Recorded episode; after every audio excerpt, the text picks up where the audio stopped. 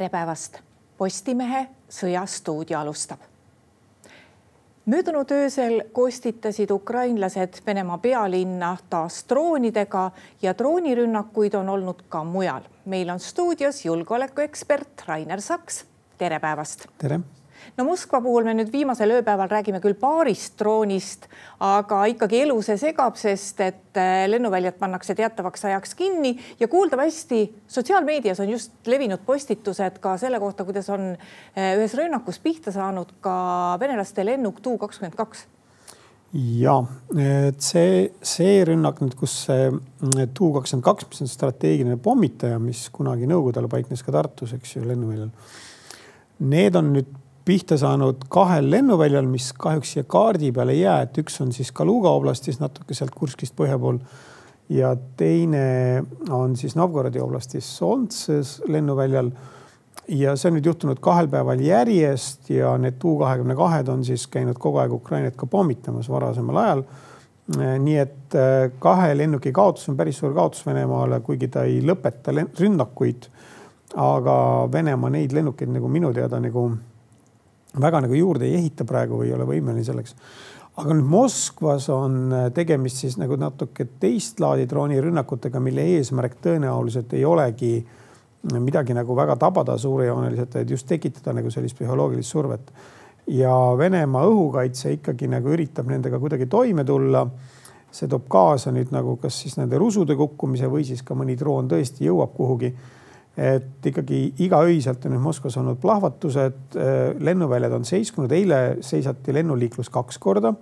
ka päeval oli mingi teade droonist äh, Moskva piirkonnas ja selle peale pandi lennuliiklus seisma ja, ja on tehtud ka valeteateid. Ja ka selle peale on lennuliiklus seisma pandud Moskvas, nii et kuna Moskva kolm või neli rahvusvahelist lennuvälja on riigi kindlasti ühed kõige olulisemad, siis loomulikult see tekitab päris tõsiseid probleeme nii-öelda. Ja aga ma rõhutan veel kord, et Moskva puhul on kõige olulisem on ikkagi elanike psühholoogiline mõjutamine ja, ja tõestamine, et siis Venemaa äh, ei suuda kaitsta äh, Moskva õhuruumi äh, siis piisavalt efektiivselt no Moskva õhuruum tegelikult ju peaks olema kaitstud, aga, aga kui vaadata neid lennuvälju, mil, mis ilmselt on praegu ukrainlastega üks eesmärk, sest see, et nad on nagu kahele lennukile viimasel ajal pihta saanud, see ju annab veel noh, hoogu juurde, et teeks veel, kas nad neid lennuvälju ei suuda siis ka õhust kaitsta?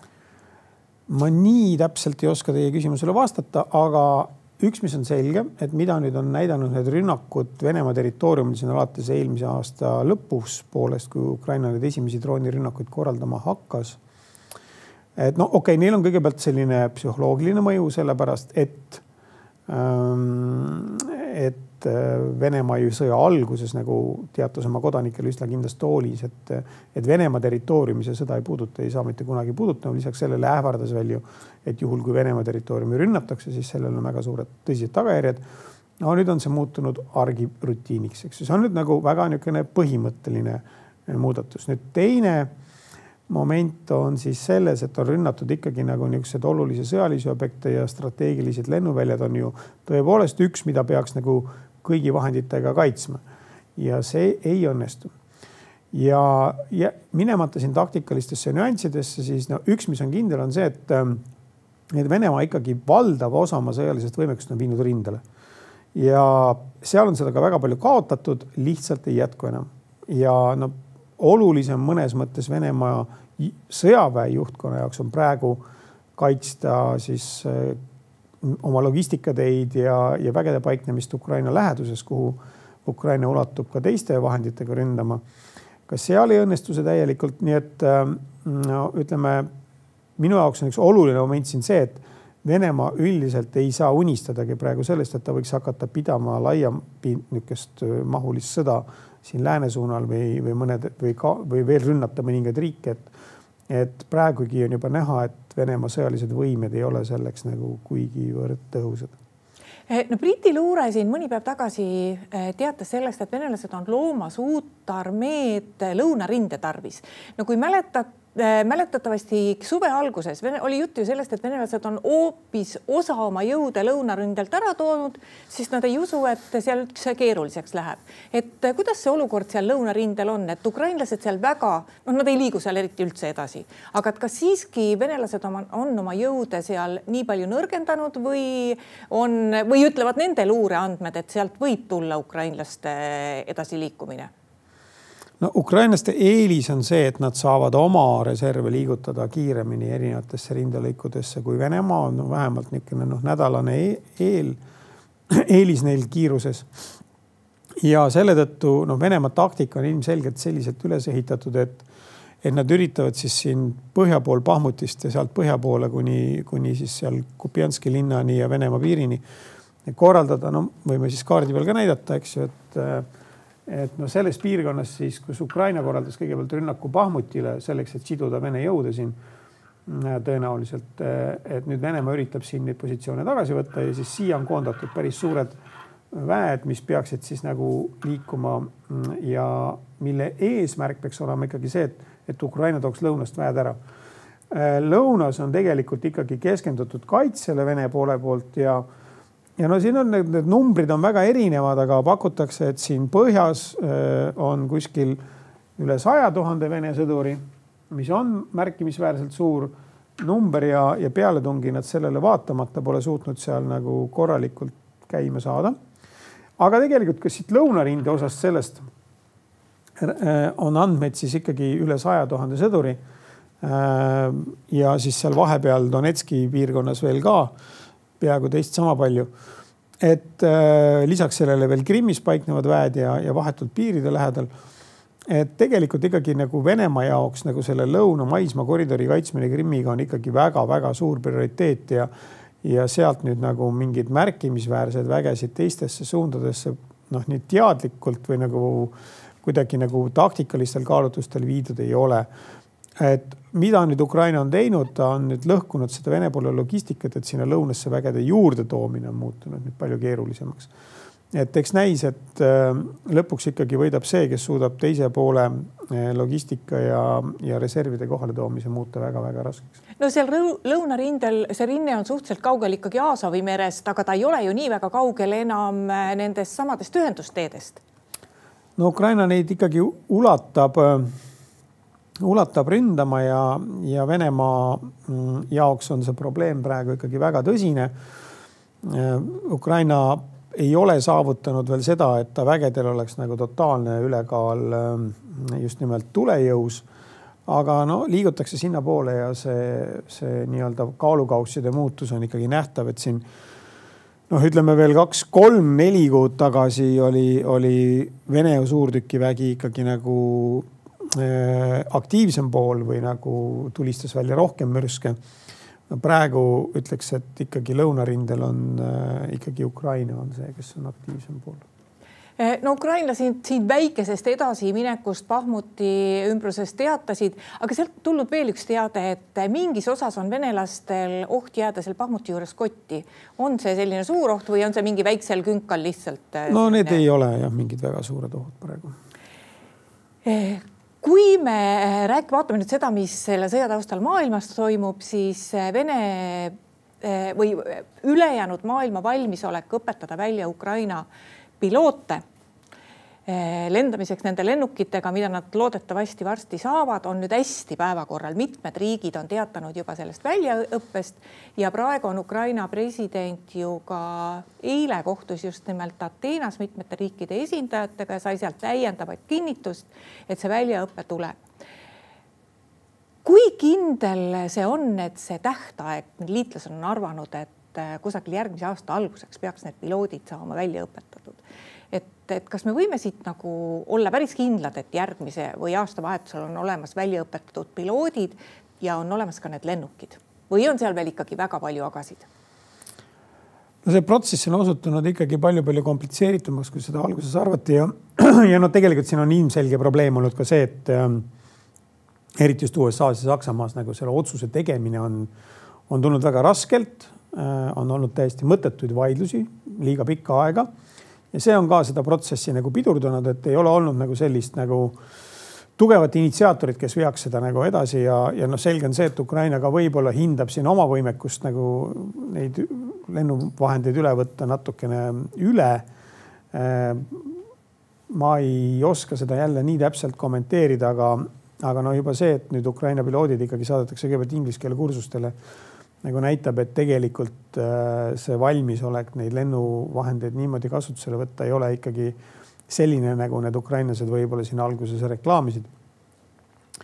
aga mis on oluline, on see, et noh, kas siin nüüd november või aastavahetus, aga, aga tähtis on see, et Ukraina selle uue lennuväe endale saab.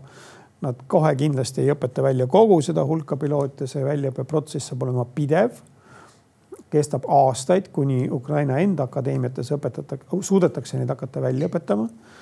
ja no sellised üleminekud ei ole mitte kunagi mitte kusagil olnud nii kerged, et noh, meil võib-olla siin lähinaabritest, eks ju, Soome on läinud üle Vene lennutoodangult, eks ju, või siis sõjalennuväelt äh, lääne omale. ja no nende käest võiks ju küsida, et äh, kaua see teil aega võttis ja nad tõenäoliselt ütlevad, et mingi viisteist, kakskümmend aastat on see üleminekutsükkel et noh, nüüd selles mõttes võrreldasin, et kas see läheb nüüd seitse-kaheksa kuud, ei tundu nagu eriti oluline. aga äh, tähtis on see, et äh,, et kuigi võib-olla me sõjas niipea veel neid lennukeid ei näe, siis noh, Venemaa sõjalises planeerimises nüüd tuleb arvestada sellega, et äh, jõudude vahekord muutub ikkagi noh, pidevalt ka tehnoloogilisel poolel ikkagi rohkem ja rohkem Ukraina kasuks ja Ukraina ei vaja enam nagu sellist massiarmeed, et, et seista vastu Venemaa äh, rünnakutele, nii et äh, Venemaa jaoks on see ikkagi kokkuvõttes väga tõsine heidutus.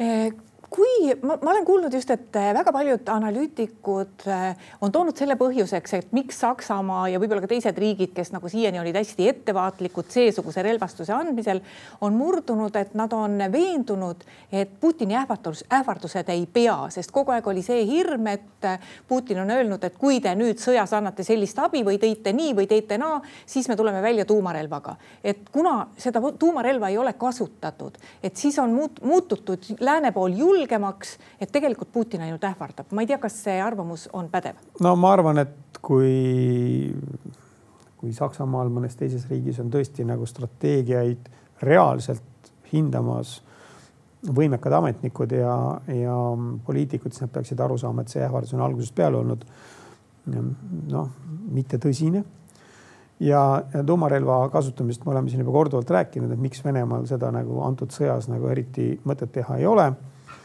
aga me ei saa tõepoolest mitte kunagi olla päris kindlad, et, et keegi nagu seda kasutusele võtta, lihtsalt küsimus on selles, et kas sellele, kas suudetakse veenda Venemaad, et siis sellisel juhul see vastus saab olema veelgi valusam äh, ja, ja kui Venemaa ikkagi tajub, et võiks tegemist olla nagu globaalse konfliktiga, siis, äh, siis tegelikult no kaob nagu see, see mõte selle tuumarelvaga ähvardada nagu päriselt ära ja eks nad on ka viimasel ajal neid ähvardusi nüüd tagasi tõmmanud, nad, nad tõenäoliselt on ka ise aru saanud, et sellega on mindud liiale ja see on muudetud kohati isegi naeruväärseks.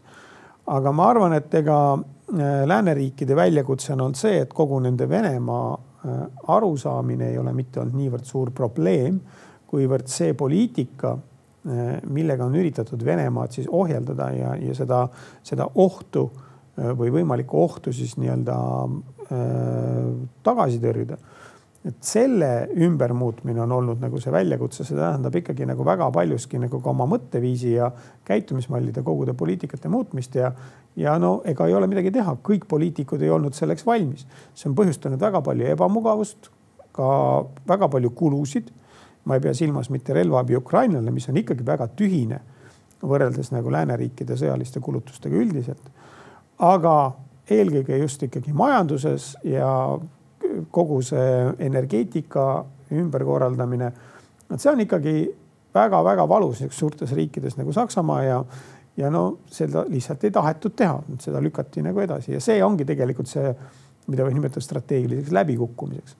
et kui seda oleks õigel ajal tehtud, siis oleks olnud see natukene odavam, aga no vot nüüd takkajärgi tark olles, siis noh, siin ei peagi muidugi alati just väga takkajärgi tark olema, seda oleks võinud ette näha.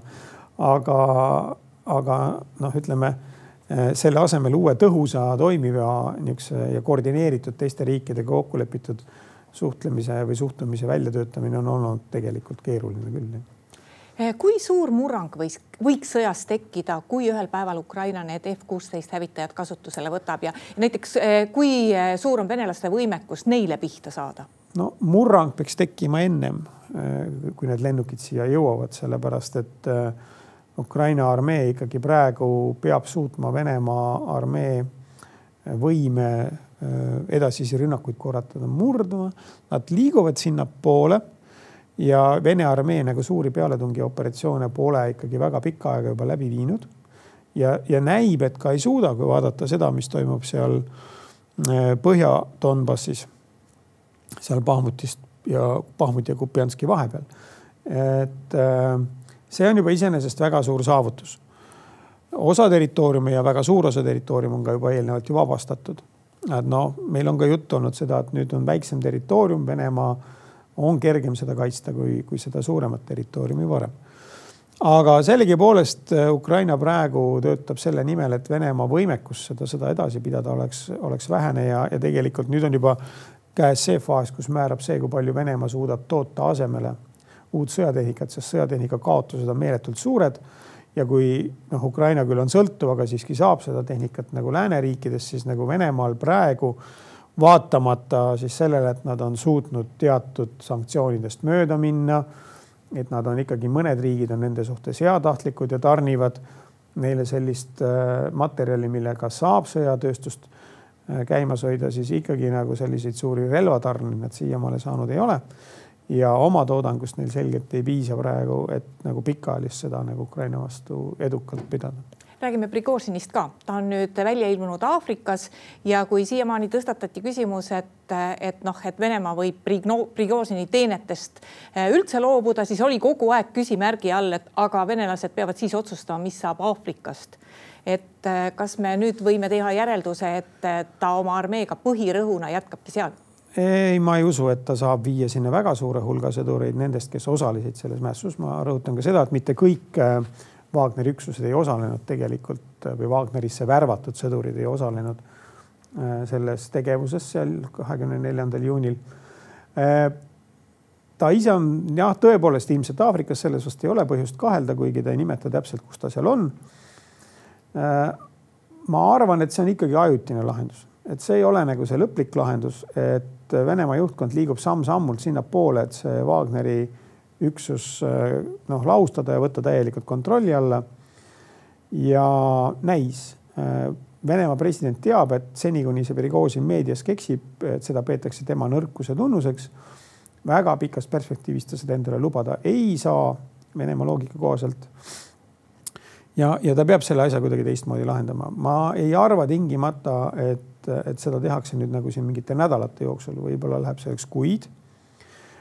Aafrika on Venemaa jaoks oluline ja noh, nüüd nagu info, mis Venemaalt tuleb, kõneleb sellest, et, et üritatakse siis nagu teiste erasõjafirmade loomise äh, kaudu siis nii-öelda neid mm, lepinguid seal kuidagimoodi hakatagi üle võtma, aga no see on tõesti keeruline protsess, sest ega äh, ega see ei ole nagu lihtsalt nii, et noh, Vene, Vene riik ütleb, et nüüd tehke leping selle uue firmaga.